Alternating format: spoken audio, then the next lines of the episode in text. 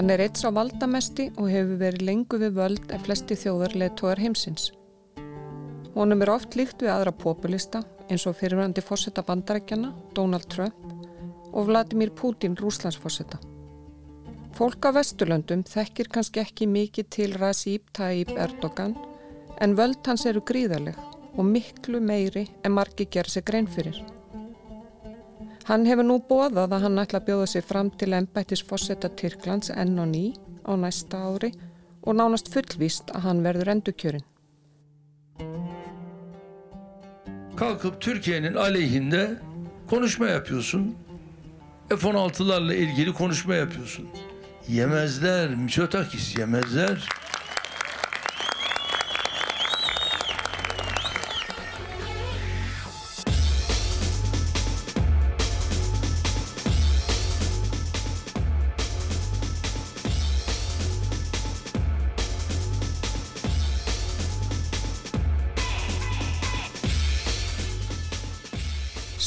Hlustandi góður.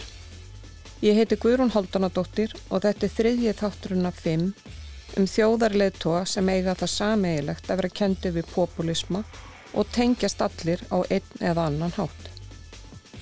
Við fjalluðum um Donald Trump í síðasta þætti og nú er komið að forseta sem er enn við völd og átti í ástar og um leið hattur sambandi við Trump á meðan sá síðar nefndi ríkti í kvítahúsinu. Mr. President, as we have seen in recent weeks, the U.S. Turkish alliance can be a powerful force for security and stability, not only in the Middle East but beyond. I look forward to working with you and to your representatives. I want to thank you very much all for being here. I've gotten to become very familiar with all of you, and I really appreciate you doing a fantastic job for the people of Turkey. Tyrkland er efnahags- og hernaðarlega mikið vægt vegna legurlandsins og þetta hefur fært ríkinu gríðalu völd, ekki síst vegna legu þess við Svartahaf. Það var Mustafa Kemal sem lagði grunnina Tyrklandi nútímans sem stopnandi og fyrsti fórseti Tyrkneska líðveldesins 1923. Hann er sennilega þekktastur undir semdarheitinu Ataturk sem þýðir fadir Tyrklands. Árið 1924 leisti Ataturk upp kalífadæmið aðskilnaður Íslams og ríkis var það veruleika. Magnús Þorkjell Bernharsson, profesor í sögu mið-Austurlanda, fjallar í bóksinni mið-Austurland meðal annars um Tyrkland en í bókinni velter hann því fyrir sér hvort Kemal hafi verið róttækasti stjórnmálamaður 20. aldar. Já, þetta var náttúrulega kannski svolítið sett fram með því tilgangi að auðvira fólk til umræðu og hugsa svolítið út í aðela sem fólk kannski tengir ekkit endilega við rótækstu hugmyndir 20. aldar sem er það fascismi eða, eða uh, hérna, afbjörni í Kína eða í Rúslandi og, og við annar staðar. En þegar maður skoða sko hvernig komst til valda og þær breytingar sem, sem hann innleiti í Tyrklandi og það gífur að mikla breytingar sem átti sér stað í, í Tyrklandi. Sérstaklega með þess að hann komst til valda ekki í kjálfarbyltingar eins og margir aðri mjög rótækir leitt á 20. aldar heldur var þetta var hann hluti af hernum og, og, og komst í gegnum kerfið innanfrá en, en breytti því sko algjörlega. Þannig að Tyrkland eh, 1923 var allt öðri vísi heldur en 1919 til dæmis. Og hann breytti eh, sko ekki bara stafrónu heldur bara eh, áherslunum í efnarslífinu, eh, landamæri landsins, stórskipun þess og, og viðhár til, til Vesturlanda og við erum til sögunar, til trúarinnar að, að það, það var svo viðtæk áhrif sem hann hafði á, á Tyrknesk samfélag. Það fór ekki mikið fyrir núverandi fórsetta Tyrklands þegar hann hóf pólitísk afskipti. En það er af sem áður var, því Erdogan er í dag pólitíst stórveldi sem hefur endur skapað Tyrkland meira en nokkur leiðtói landsins frá tímum Atatürk. Eiríkur Bergmann, profesor í stjórnmálafræði við Háskólana Bifuröst, segir í bóksinni Þjóðarávarpið að Erdogan sé eitt þeirra populísku þjóðarleðtóa sem farað líðræðisvenjum í fyrstu en virða þær síðar að vettu í. Valdasöfnunum er réttlætt með því að útmála anstæðingarna sem ógn við samfélagið sem viðkomandi verður að vernda. Umskiptin eru ekki hraðskreið en smám saman er grafið undan vennjum sem nöðsilegar eru til að halda líðræðin á lofti. Þetta gerist jafnvel án þess að fólk taki eftir því og þeir sem það gera eru okk við samfélagi, okk sem valdhafar þurfa að fjarlæga. Þrátt fyrir að Erdogan sé settur í hóp þjóðurnispopulista, líkt og Berlusconi og Trump, þá er hann af allt öðru meiði en þeir tveir. Allah sende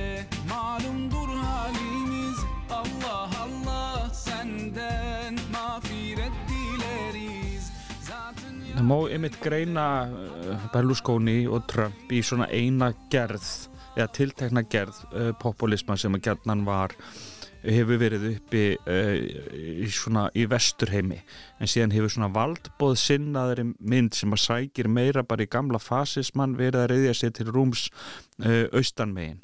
Og það má setja Erdogan í þann flokk, hann hefur sapnað völdum á einn eigin hendur uh, sko í gríð og erg fyrst sem fórsætist ráð þeirra svo gæti hann ekki setja lengur sér fórsættisráð þeirra og, og varð fórseti í uh, ríki sem að það sem að fórsetin var í rauninni bara svona uh, serimónialísk fígura en ekki, ekki, ekki valda aðili í, í sjálfu sér en hans breytir um leið eða lætur breyta stjórnarskráni þannig að, að að það verður umpólun í uh, Tyrklandi úr þingræðisríki yfir í fósetta ræðisríkis og hann er stöðut að sapna völdum í einn hendur. Hann hefur til dæmis náð tökum á, á fjölmiðlum, um, á fræðasamfélagi, fangjálsaði helling af, af fræðimönnum. Kollegar mínir hafa lendi í honum mjög yllilega, margir margir hverjir, þannig að fræðasamfélagið er ekki frjálslengur í Tyrklandi og hann hefur að sömuleiti kannski eins og Vladimir Putin svona hugmyndur um að endurreisa uh, dyrðardaga uh, Tyrklands til uh, forna. Og hann hefur talað fyrir Já, einhvers konar endurreist ottoman veldisins, þannig að þetta er svona ottomanísk hugmynd um Tyrkland og þeir sem þekkja til sögu uh, Tyrklands vita að þetta er eitt af þessum svona mæra ríkjum sem geta tógast í sikvarar áttirnar og það gerist í rauninni á um, 19. öldinni þegar að, að hérna, Atatürk, Kemal Mustafa Atatürk leiðtói Tyrkja og rauninni fadir nútíma Tyrk uh, Tyrklands færir uh, ríkið frá því að vera Íslams trúaríki yfir í veraldlegt ríki að vestrætni uh, fyrirmynd og um, svona stjórnmála elitan í Tyrklandi hefur viljað halda ríkinu á þeirri braut. Erdogan hefur verið gaggrindur fyrir rauninni svíkja arfleð Atatürk, fadir Tyrkja og uh, uh, sko inn á svona einhverja, já, valdbóðsinnaðri braut meiri Íslams uh, væðingar uh, og þess aftar og hann hefur mm, lendi í stöðum við Ímisöfl á leiðinni og náða að milja þau undir sig í rauninni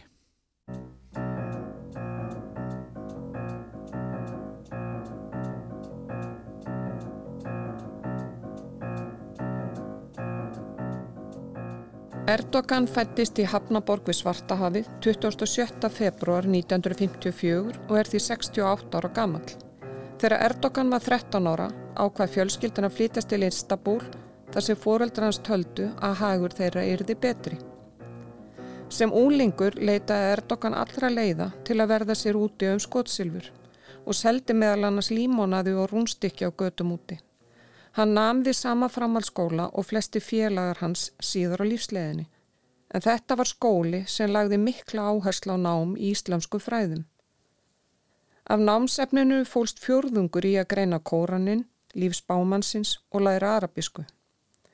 Leðtóða hæfileikar Erdogans komi fljótt í ljós og bekkjafélagar hans kölluða hann Hodja, þann sem stendur öðrum framar í íslensku fræðum, þann sem er leðtói hópsins. Stjórnmálaskoðanir Erdogans fóru ekki fram hjá neinum og strax þarna var hann farin að sækja fundi þjóðirarni sinnaðara námsmanna sem höfðu það að markmiði að mynda bandalag gegn ört stækkandi hreyfingu vinstri sinnaðara stúdenta. Erdogan átti auðvelt með að fá fólki lið með sér og tala fyrir framann aðra. En þrátt fyrir þessa hæfileika fekk hann ekki eingöngu í elítu háskólan sem hann hafði huga á að sækja. Ástæðan var svo að mentaskólinn sem Erdogan var í þótti einfallega ekki nógu góður undibúningur fyrir skólan. En námið við háskólan miðaði að því að búa ungt fólk undir að taka þátt í stjórnmálum og stjórnsíslunni. Samkvæmt ferilskrá Erdogans lauka námi í viðskiptafræði við Marmara háskólan en ímsir efast samt um að hann hafi nokkuð tíman útskrifast það. Erdogan tók fullan þátt í starfi flokks heitróðar á múslima, velferðarflokksins, þann tíma sem flokkurinn starfaði. Velferðarflokkurinn var stopnaður 1983 og fyrstu árin bauð flokkurinn aðeins fram í sveitastjórnarkostningum. Erdogan var kjörum borgastjóri í Istanbul 1994 og gengdi ennbættinu í fjögur ár. Árið 1991 bauð velferðarflokkurinn fram í fyrsta skipti í þingkostningum og fekk þá tæplega 20% fylgi. Flokkurinn var hins vegar ekki langlýfur og var bannaður af stjórnlaga domstól Tyrklands eftir að herfóringja tóku völdin í landinu 1998. Flokkurinn var bannaður á grundvelli þess að hann græfi undan veraldlegu líðræði og flokksmenn hefðu það á stefnusgrá sinni að breyta Tyrklandi í Íslands ríki. Mannreitinda Dómstóll Evrópu staðfesti síðar bannið og taldi að það hefði verið nöysilegt til að verja líðræðið í Tyrklandi. Langflesti Tyrkir eru Íslamtrúar eða um og yfir 90% þjóðarinnar. Þaraf er stæstu luti þeirra sunni múslimar. Leiðarljós Kemals Ataturks var veraldarhyggja og afhelgun og að sökk Magnúsa Þorkjáls þá gekk hann enn lengra en frakkar þegar líðveldi var komið þar á í að draga úr vægi trúastofnana. Tyrkir mættu halda áfram að yfka trú sína en trúin átti ekki að vera sínileg. Það þýtti að trúalegi skólar voru lagði niður og egni trúastofnana þjóðnýttar. Jafnvel tímatalið var af Íslamað því árið 1926 var íslamska tímatalið sem fylgir tunglinu lagt niður og það gregorianska sem fylgir sólunni og tíminn mældur frá fæðingu Kris tikið upp. Þegar Erdogan var borgastjóri í Istanbul flutt hann ávart meðal stuðnismanna sinna úr röðum heittróðar á muslima og var ávarpið talið trúaráraður sem var lögbrott á þeim tíma. Árið 1998 var Erdogan dæmdur í tíu manna á fangelsi og hafa mjög ósattur við dóminn. Hann hefði aðeins verið að fara með ljóð, alls ekki áróður. Moskurnar eru virki okkar, kvolfþökin hjálmar okkar, bænaturnarnir bissustingir okkar og henni trúuðu hermen okkar, segir í ljóðinu sem Erdóan flutti. Áfríunadómstól mildaði dómin vegna ljóðulestu sinns í fjóra mánuði og Erdogan var bannað að taka þátt í komandi þingkostningum. Orðspor Erdogans fór víða og þótt hann kraftmikil stjórnmálamæður. Hann var á þessum tíma afar vinsall í stórborgunlandsins sem og við Svartahafið heima hér aði föður hans. Síðan þá hafa vinseldur hans dala mjög í stórborgum og sennileg er fylgi hans mest á æskuslóðum fjölskyldunar við Svartahafið.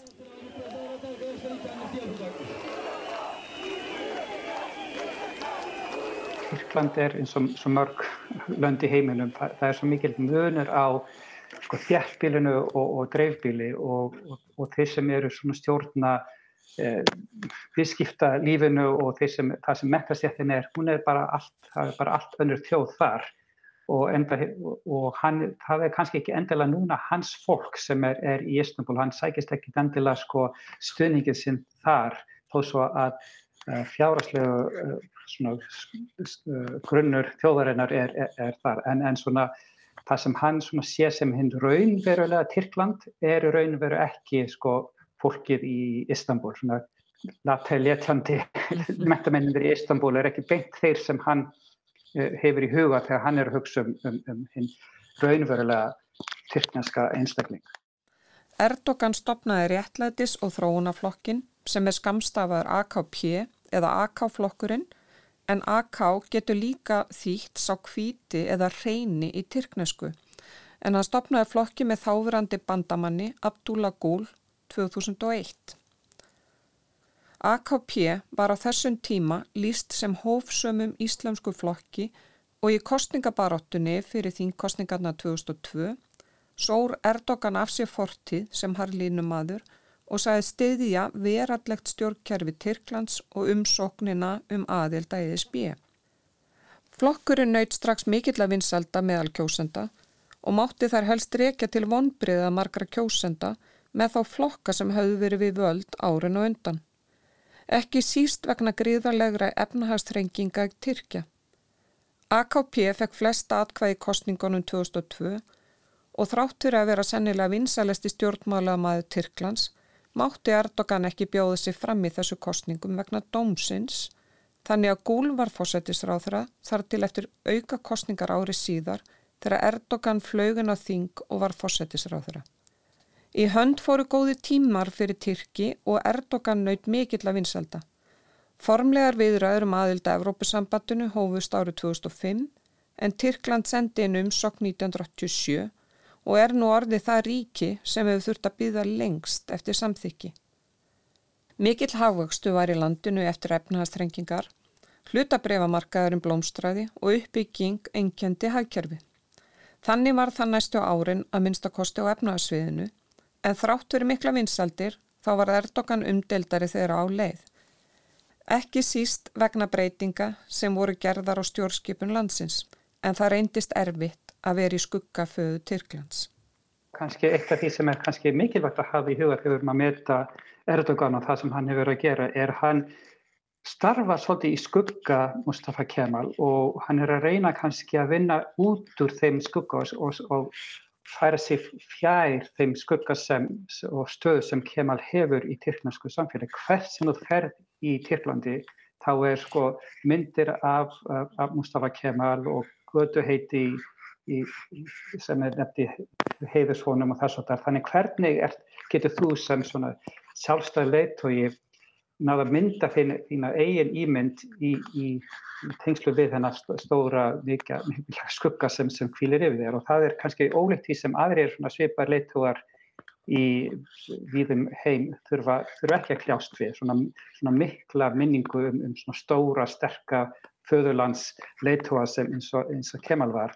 En Erdogan hefur reynt ymitt að, að breyta Tyrkland frekar svona nær hans ásjón á hvað Tyrkland ætti að vera og í, færa það frá þessar hugmyndir sem Mustafa Kemal gerði og, og þetta hefur hafa verið mjög umtalsverða breytingar sem hefur kannski leitt til þess að núna stjórnar hann nánast Tyrklandi sem innræðis herra og hefur skapað þannig andurslótt í landinu að það er mjög, mjög fáar stopnarnir eða, eða hreyfingar sem eru kannski eiga ykkur að burði til þess að hljást við þessu mikið völd sem hann hefur sett sér.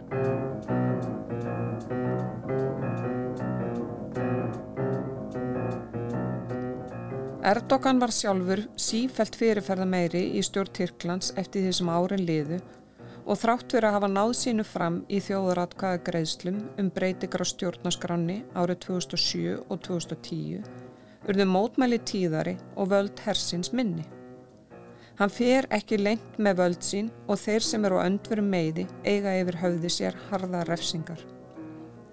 Nýverið var leittóa stjórnaranstöðuflokks spannað að hafa afskipta stjórnmálum og dæmtur í tæplega fimm ára fangelsi. Sakarefnið var að hafa móðga fórsetan og Tyrkland í fæslu og Twitter.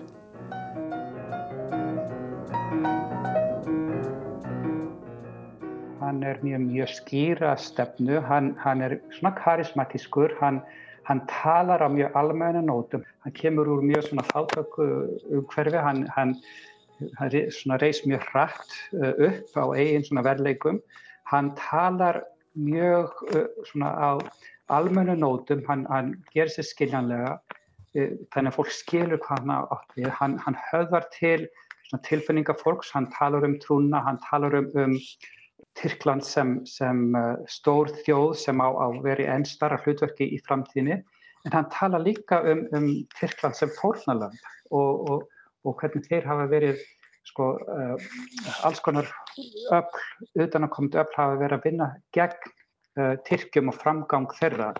Og það er þessi kannski svona samsæriskenning sem gera hann kannski af öflugum talsmanni.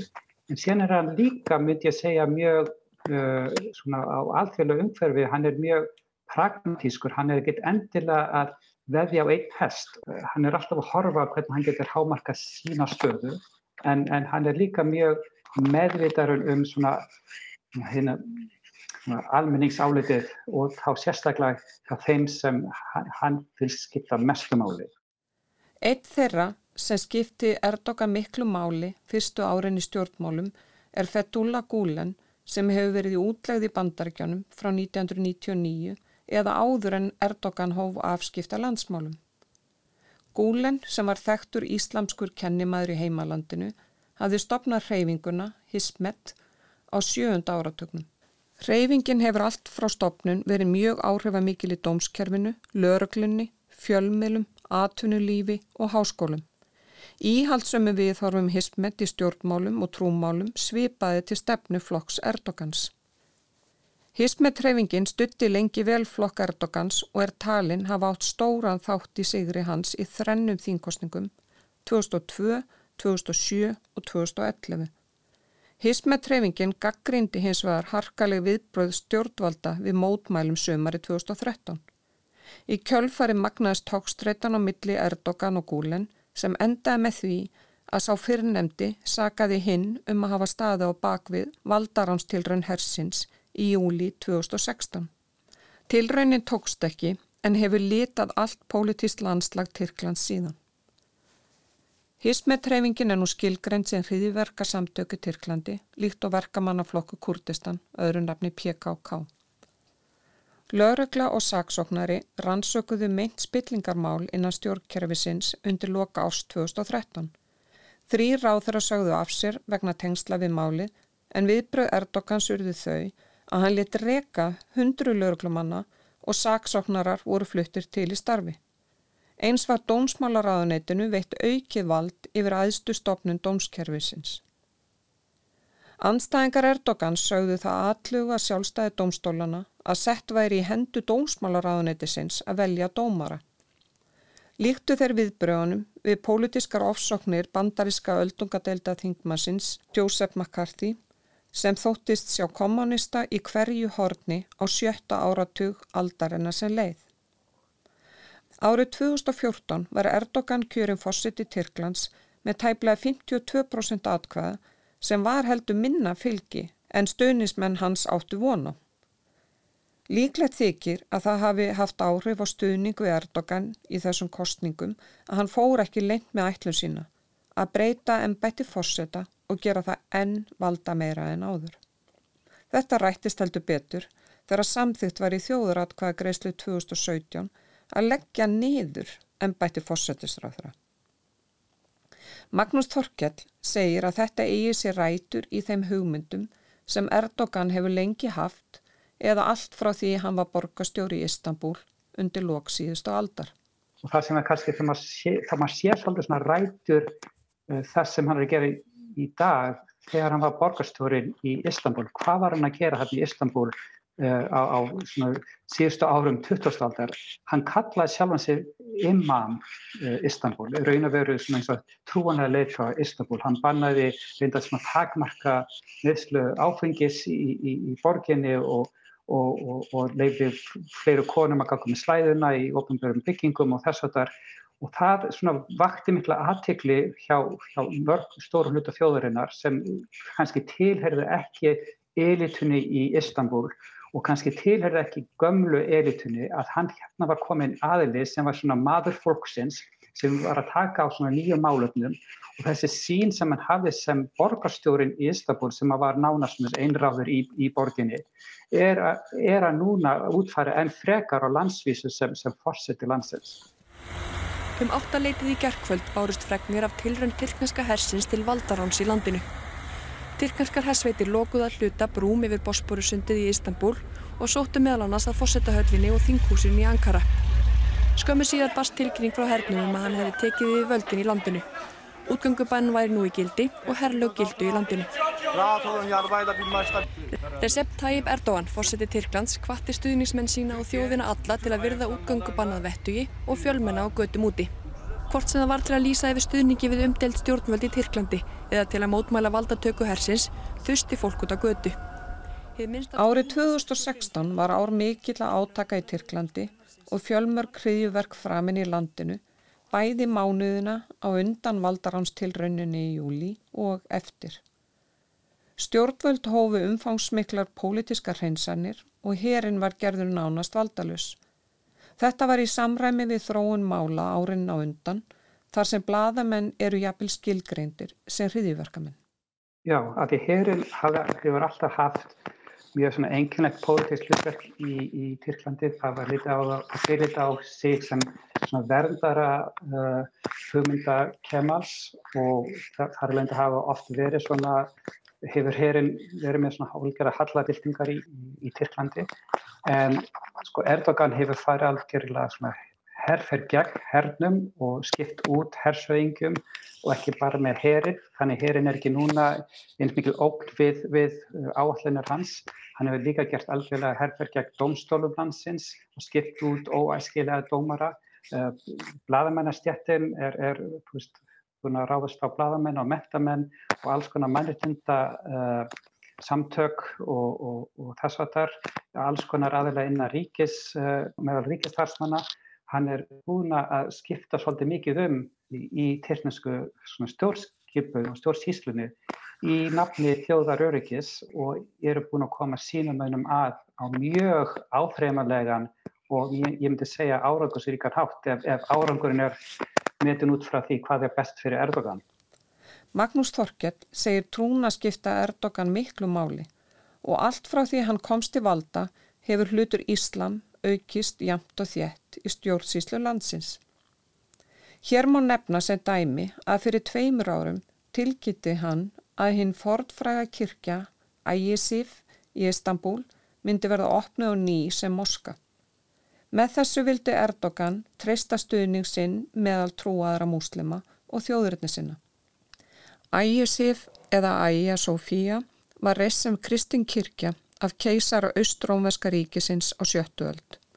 Eftir á ottomannar herrtóku Konstantínopel árið 1453 var Ægisif breytti Mosku og gengdi hún því hlutverki tæplega fimm aldir eftir það eða þar til hún var gerða sapni í tíð Kemal Atatürk.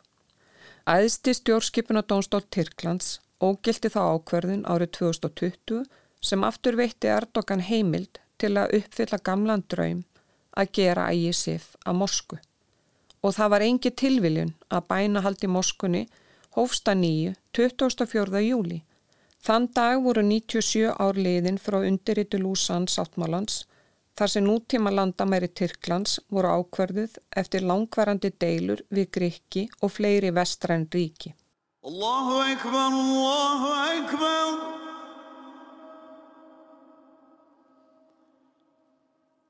Allahu Akbar Í umbóði Erdogans hefur ríkistrúastofnunin gríðaleg völd og fær háar fjárhæðir og ríkisjóði, auk þess sem henni var útluta sér sjómastuð. Erdogan horfir einni til Íslam þegar kemur að hagstjórn landsins. Hann hefur rekið Sæðlabankastjóra eins og drekka vatn og haft bein afskipti að rekstri Sæðlabankans. Og þrátt fyrir að fátt annað veri í bóði, sangant kenningum hagfræðinar, en að hækka vexti til að reyna að koma skikki á peningastefnu landsins undir lóks síðast árs, þá þrýsti Erdogan og Sælabankan að lækka vexti. Verðbolga var komin yfir 20% á þessum tíma og óttuðust margi sérfræðingar að það væri aðeins upphafið. Það hefur sínt sig að spár hagfræðingum stökkbreyta verðbolgu næstu mánu reyndist rétt. Í mæ mældist hún tæp 74% og er verðbolga nú á svipuðum slóðum og hún var fyrir 20 árum þegar að efnaðastrengingar höfðu mikil áhrif á kjósendur sem kusu nýtt afl flokk Erdogans. Stjórnvöld tilkynntu í dag að lágmarks mánadarlaunin erðu 5.500 lýrur um það byl 44.000 krónur. Það er um það byl tvöfaldun á lágmarkslaununum frá því síðila í desember og 10.000 krónahækkun frá þegar þau voru hækkuð síðast í janúar. Þessar launabætur vega þó skamt upp í hækkun framfærslukostnaðar vegna mikillar verðbólgu. Samkvæmt ópimberinn tölum er ársverðbólgan 73,5% um þessar mundir og ég vel enn meiri í stórum borgum svo sem Istanbul. Hún hefur ekki verið meiri síðastliðin 24 ár. Erdogan flutti sjónvasávarp í desember þar sem hann hétt því að lækka vexti og sagði að trú hans kæmi veg fyrir að hann geti stutt vakstahækun. Þeir kvartaði verið því að við lækkum stýrivextina. Ekki búast við öðru af mér. Sem múslimi mun ég halda áfram að gera það sem trúin segi mér. Þetta er fyrirskipun. Þar vísaði Erdogan í að sangkvæmt kenningum heitróðara þá er múslimum bannað að leggja vexti á lán. Þetta var svo sem ekkit í fyrsta skipti sem Erdogan vísaði til trúa sinnar og að sangkvæmt henni vex verbulga með hærri vöxtum sem gengur þvert á kenningar hagfræðinga. Í hefðbundnum kenningum er það þannig að selabankar hækki stýrivexti þegar verbulga eikst. Fylgi Erdogans hefur freka fylgt hagfræðinni því það hefur hríðfallið undafarna mánuði enda hefur staða almennings ekki verið verri í langan tíma. Sérfræðingur í efnahagsmálum segja ákvarðinni Erdogans í efnahagsmálum gjörsamlega glórulusar og benda á að jafnveg sáti Arabar reyni ekki að láta Sarija lög gilda við stjórn efnahagsmála. Já, það er hugsanlegt að því að sko, en það sem kannski gæti virkað gegn honum er að ástæð fyrir því að hann var mjög vinsæll á fyrsta svona áratug 2001. aldarinnar var að það var heilmikil uppgangur í, í tyrknumsk efnahagslifi og fólk leita á hann sem eins konar fróa hött á mörgu leiti og það var, hagkerfið var það gekk mjög vel og, og bæði í fermannabransunum og byggingarinnanum og þess að þar en í svona, núna síðustu tíu árum hefur verið svona hálfist hrun í, í Tyrklandi og líran, gjaldmiðlun hefur verið í frálsu falli þannig að það er svolítið erfitt að vera með svona populisma í, í hvaða landi sem er ef, ef fólk finnst eins og staðin í efnarsmálum er, er, er slæm að þeir sjá ekki fram að, að, að það sé betur tíð framöndan þannig að hann þarf líka, þó svo að hann hefur gert þessa pólitíska breytingar og, og, og útloka marga pólitíska anstæðingar, þá, þá þarf hann líka að vera vissum að, að, að mástaður hans og, og orðræða er í ykkur tengslum við veruleika sem byggir á að við erum að gera stórfallar hluti, við erum að byggja í að þjóð fólk þarf að sjá ykkur áþreilega dæmi þess í sínum daglega lífi. Að mati stjórnmálaskýranda hafa utarikismáli reynst Erdogan erfið. Í raun hafa nátt erfitt með alltaf fókus þar og um leið hafi það sem Erdogan kannski sækist mest eftir ekki gengið upp. Að gera Tyrkland að nýju ottoman veldi. Fyrirmyndin er þó stórveldi sem ríkti fyrir botni miðjarhafs frá lokun 13. aldar allt fram á fyrir hluta 20. aldar. Þegar að það var stæst náði það frá Marokko í Norður Afríkun til landamærarna Íran, söðu til Jemens og norður landamærum Östuríkis.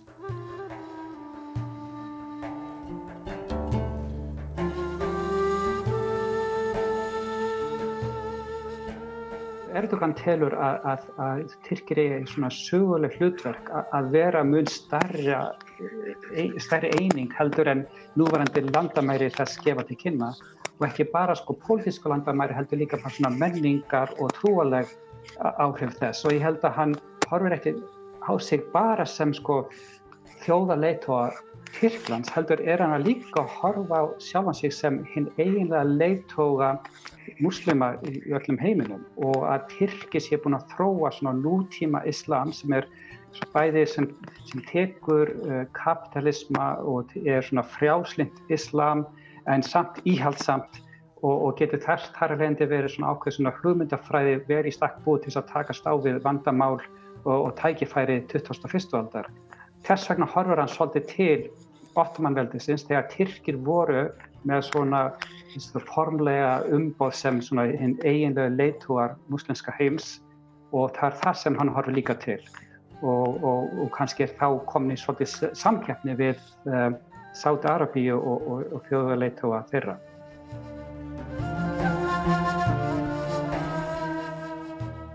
Tyrkland hefur verið í NATO frá 1952 og um tíma hallaði Tyrkland sér meira í vesturátt en austuveg en eitthvað hefur það breyst með árunum. Samskipti Erdogans og Pútins rúslasfossetta hafi verið góð og ekki ástæðuleysu sem Tyrkland hefur verið vettvangur friðaviðræna millir Rúslands og Úkrænu eftir að stríði braust út þar. Einn segir það sína sögu að Antonio Guterres, frangvættastjóri saminuði þjóðana, skildi hitta Erdogana máli áður en að rættu við Putin í Moskvu og Selenski í kennugarði.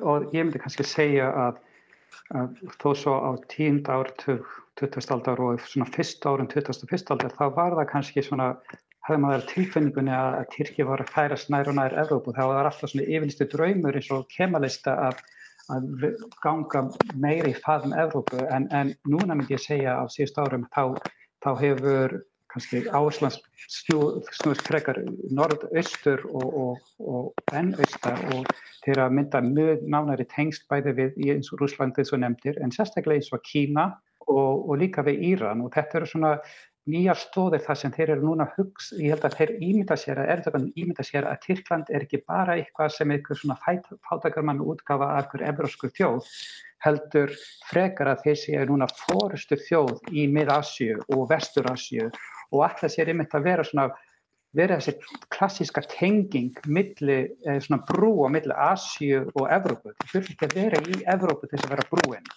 og, og það er, það er það hlutverk sem þeir eru núna að spila en frekar og það, þess vegna það útskýrir sko, stöðu þeirra og við á gagvart Rúslandi til dæmis og, og, og svartahafið en líka hvernig þeir ímynda sé sko, stöðu þeirra í miðjurahafinu. Magnús Þorkjell segir að ímislegt hafi breyst í miðausturlöndum og nýjar valdablokkir liti dagsins ljós. Það núna er komið svona upp svona eins og norðurhluti og söðurhluta miðausturlanda sem eru að í hálfgerið köldustríðið og þá, er mikil valdabartum ymitt milli eins og Sátarapa, Egiptalands uh, og Samin-Arabiska fyrstundami ansvegar og hins vegar Katars og, og Írans og, og Tyrklands hins vegar og, og þeir eru reyna að hver verður ofan á í, í, í þessari baröðu hvers konar islam en ekki bara það heldur hvers konar efnas umhverfi uh, verður þetta svæði og líka hver hefur svona, svona helsta stærsta herablið á þessu slóðum og hver getur virkilega ákveðir hvað, hvað gerist næst. Og því það eru mörg svona margislega ný tækifæri sem er að myndast hérna við miðjahæfinu og Vestur-Asíu, bæði verna framgangs Kína og, og Indlands og ímsi uh, möguleikar hvað varðar uh, viðskipti og, og ný, nýjar ólílindir og gasleislur sem, sem Tyrkir ætla sér stórt hlutverk. Já, í austurluta miðjarahafs þá. Austurluta miðjarahafs og, og vesturluta Asíu og ef þú skoðar í svo landakortið þú veist hvernig í raun og veru Tyrkir eru vel stæðir hvað það varðar að þeir hafa alltaf verið þessi landbrú til milla Asjú og Evrópu en þeir eru líka að hugsa sér sem að þeir eru að tengja uh, þeir eru sko mikilvægsta tengsla, tengsla stöðun í, í miðrahafinu og þess vegna hafa Tyrkir til dæmis haft mikinn áhuga á Líbíu mm. og, og þeir eru reyna að mynda eitthvað svona gátt á milli uh, Tyrklands og Líbíu og hvað gerir það ef, ef það myndast eitthvað svona gátt á myndi Líbíu og, og, og Tyrklands ef þið skoðu kortið mm. þá þessi gátt þá útlokar þá bæði Gríkland og Egiptaland sem er svona helstu hófinir allar Gríkir eru helstu hófinir Tyrklands og líka kannski gerir það verkum að Ísraelar geta ekki verið þá í miklu hlutverki í Míðarhafinu þannig að þeir eru, eru hugsa um þetta mjög strategíst og ég held að þeir eru njótið mitt stöðnings Kína og Írana til þess að reyna að huga því hvernig það er hægt að koma bæði vörum og gasi frá Asju og miðausturlöndum, miðasju til Evrópu og, og, og annara ríkja í Afriku. Mannreitinda brot Tyrkneskra yfirvalda hafa ítrekkar að það í fjölmila hins vestræna heims og leðtóðar Evrópusambandsins gaggrind þau harlega. Erdogan hefur á sama tíma reglulega mynd ríki Evrópu á að ef ekki verði farið óskun Tyrkja þá mun hann einfallega opna landamærin og hleypa flótamönnum úr austri yfir til Evrópu. Svo að því sé haldið til haga þá eru þetta um fjóra miljónir flótamanna sem Tyrki fá greitt frá ESB fyrir að halda innan sinna landamæra. Sennilega er því ekki vel tekið af þeim leðtoga sem verður til umfjöllunar í næsta þætti, fórsættistráður Ungarlands, Viktor Orbán, ef opna er þið fyrir leiðina inn í Evrópu frá Tyrklandi. Stjórnvöldi Tyrklandi og leðtóar Evrópusambandsins segja nýjan flóttamannasamning sem á að verða fullbúin fyrir fund leðtóar ás Evrópusambandsins í næstu viku, byltingarkendan. Fyrir tilstilli hans verði smikl starfsemi upprætt, komið í veg fyrir hættulegar bátsferðir yfir eigahafið og Evrópuríkjum gert kleift að endur þess að sjengen. Allir flóttamenn sem koma ólöglega frá Tyrklandi til Gríklands verða sendir tilbaka og Tyrkland verður skilgrind sem örugt þriðjaríki þrátt fyrir að það hafi ekki einu sinni fullgilt flóttamannasáttmála saminuð þjóðana nema hluta.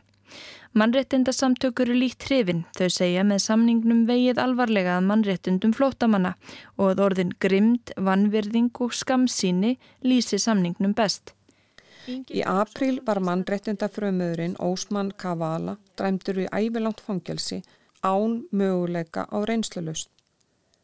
Málið hefur vækið mikla aðtikli viða um heim, ekki síst fyrir að honum var haldi í gestuvarhaldi í meir en fjögur ár án ákæru. Á endanum tók Dómstöld í Istanbul málhans fyrir og ákærðan fyrir að hafa fjármagna andof gegn stjórnvöldum í Ankara árið 2013 og að hafa tekið þátt í valdaráns tilrauninni þremur árum síðar. Kavala hefur ávalt haldið þið fram að hann hafi hverki komið þar nærri en það verist ekki skiptan einu máli. Hann er heldur ekki einn í þessum spórum því að herrmenn og hershöðingjar í þúsundatali voru handteknir og hlutumarki þeirra þunga dóma. Tyrkland sagði sig frá Istanbul sáttmálanum í fyrra en hann er fyrsti bindandi alþjóðsáttmálinn sem gerður hefur verið með það markmiði að draga úr kynbundnu ofbeldi. Baráttu fólk fyrir jafnbretti segir að með þessu sé ofbeldismönnum gefið veiðileif og konur og heimilis ofbeldismál sem og önnur ofbeldismál gegn konum hverfi í lömuðu réttarkerfi.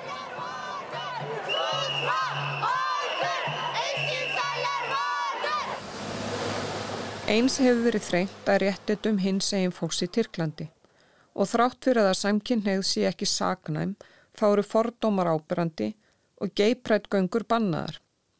Erdogan tala niðrandi til hins eginn fólks og hefur gert lengi. Eftir höfðinu dansa limirnir og svipu afstafa er tekin í heilbreyðskerfinu af trúarleitugum og fjölmilum. Í valdatíð Erdogans hefur frelsi fjölmila verið takmarkað og nokkur hundru bladamenn eru í haldi í fangelsum landsins. Um 90% fjölmila eru í eigu kaupsíslumanna sem eru handgengnir fórsetanum. Óbibert auðlýsingafið fyrir aðeins til fjölmila sem Erdogan þóknast og það þykir eðlilegasti hlutur að rýtskoða interneti. Jafnframt þurfa samfélagsmiðlar að hlýta ströngum reglum og fjarlægi allt efni sem Erdogan telur móðgum við sig.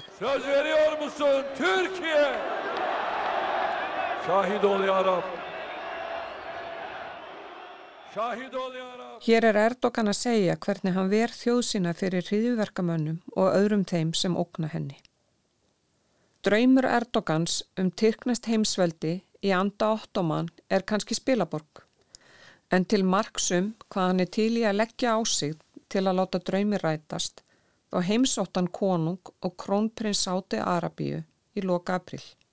Samskipti sem hafðu verið óhugsandi frá því Sáti Arabíski bladamærin Jamal Khashoggi var drepin á ræðismannskristofu Sáti Arabíu í Istanbul fyrir fjórum árum. Erdogan hefur nú snúist á sveif með konusfjölskyldinni og jafnvel samþygt að réttarhöldin yfir meintum morðingjum farið fram í Sáti Arabíu, ekki Tyrklandi, þar sem glæpurum var framinn. Ákverðun Tyrkneskra yfirvalda hefur vakið hörð viðbröð með alman réttindarsamtaka og ekki síst fjölskyldu Kasokis.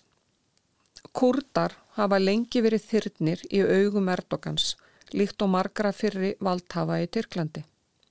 Eitt af því sem Erdogan hefur sett fyrir sig varðandi aðildarumsóknir Svíja og finnaða NATO er afstæða þeirra til kurta.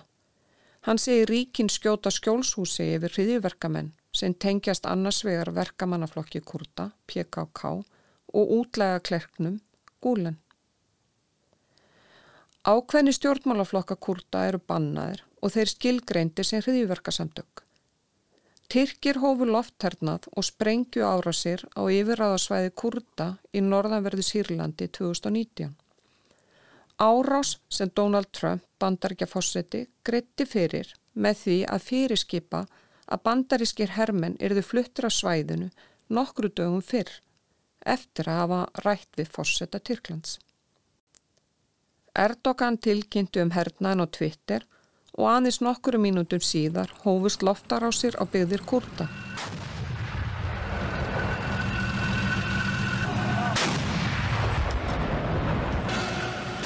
Hernaður Tyrkja var harlega fordæmdur á öðru NATO-ríkjum, þar á meðal Íslandi.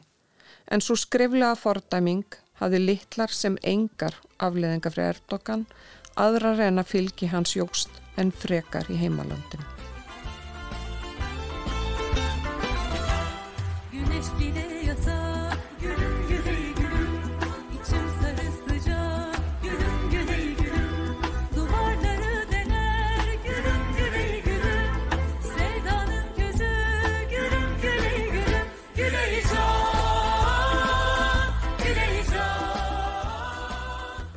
Tyrkneska söngunan Helin Böleg var 28 ára gömur er hún lést fyrir tveimur árum.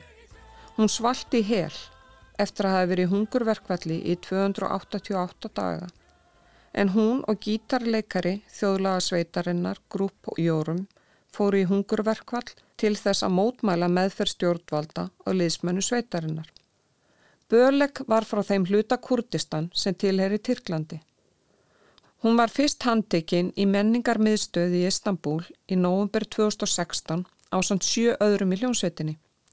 Hún var ákjærð fyrir að hafa sínt lögreglu ansbyrnu að hafa móðga stjórnvöld og að vera félagi í hriðverkasamtökum. Hljómsveitinni var í kjölfari bannað að halda tónleika og koma fram opibærlega. Þrátt fyrir dauða hennar og hungurverkvall félaga hennar í hljómsveitinni hafa stjórnvöld ekki fallist á að binda enda á lokun menningar miðstöða sem ekki eru stjórnvöldum þóknarlegar í Tyrklanda. Beraber yürüdük biz bu yollarda Beraber ıslandık yan yağmurda Şimdi dinlediğim tüm şarkılarda Bana her şey seni hatırlatıyor. Beraber yürüdük biz bu yollarda. Beraber ıslandık. Erdogan hefur eins og áður sagði tilkynnt að hann ætla að sækjast eftir endu kjöri í fórsetakostninganum á næsta ári. Og vegna stöðu líðræðisins í landinu í kjölfarbreyting á stjórnaskrá er erfitt að fetta þennan sterka leituða. Erdogan sem hefur verið fórseti undanfærin 8 ár og fórsætisráþura í 11 ár þar á undan er 68 ára gamat og við góða heilsu. Nýlegar skoðanakannanir sína Erdogan fengi flest atkvæði í fyrri umferð fórsættakostninga en þó ekki hreinan meiruluta eins og stundum áður. Eins hefur fylgi flokksans dreyið saman eftir 20 ára valdastóli og kannski telur tyrkneska þjóðin að þessi komi tími á breytingar þrátt fyrir að leittóin sé á annari skoðun.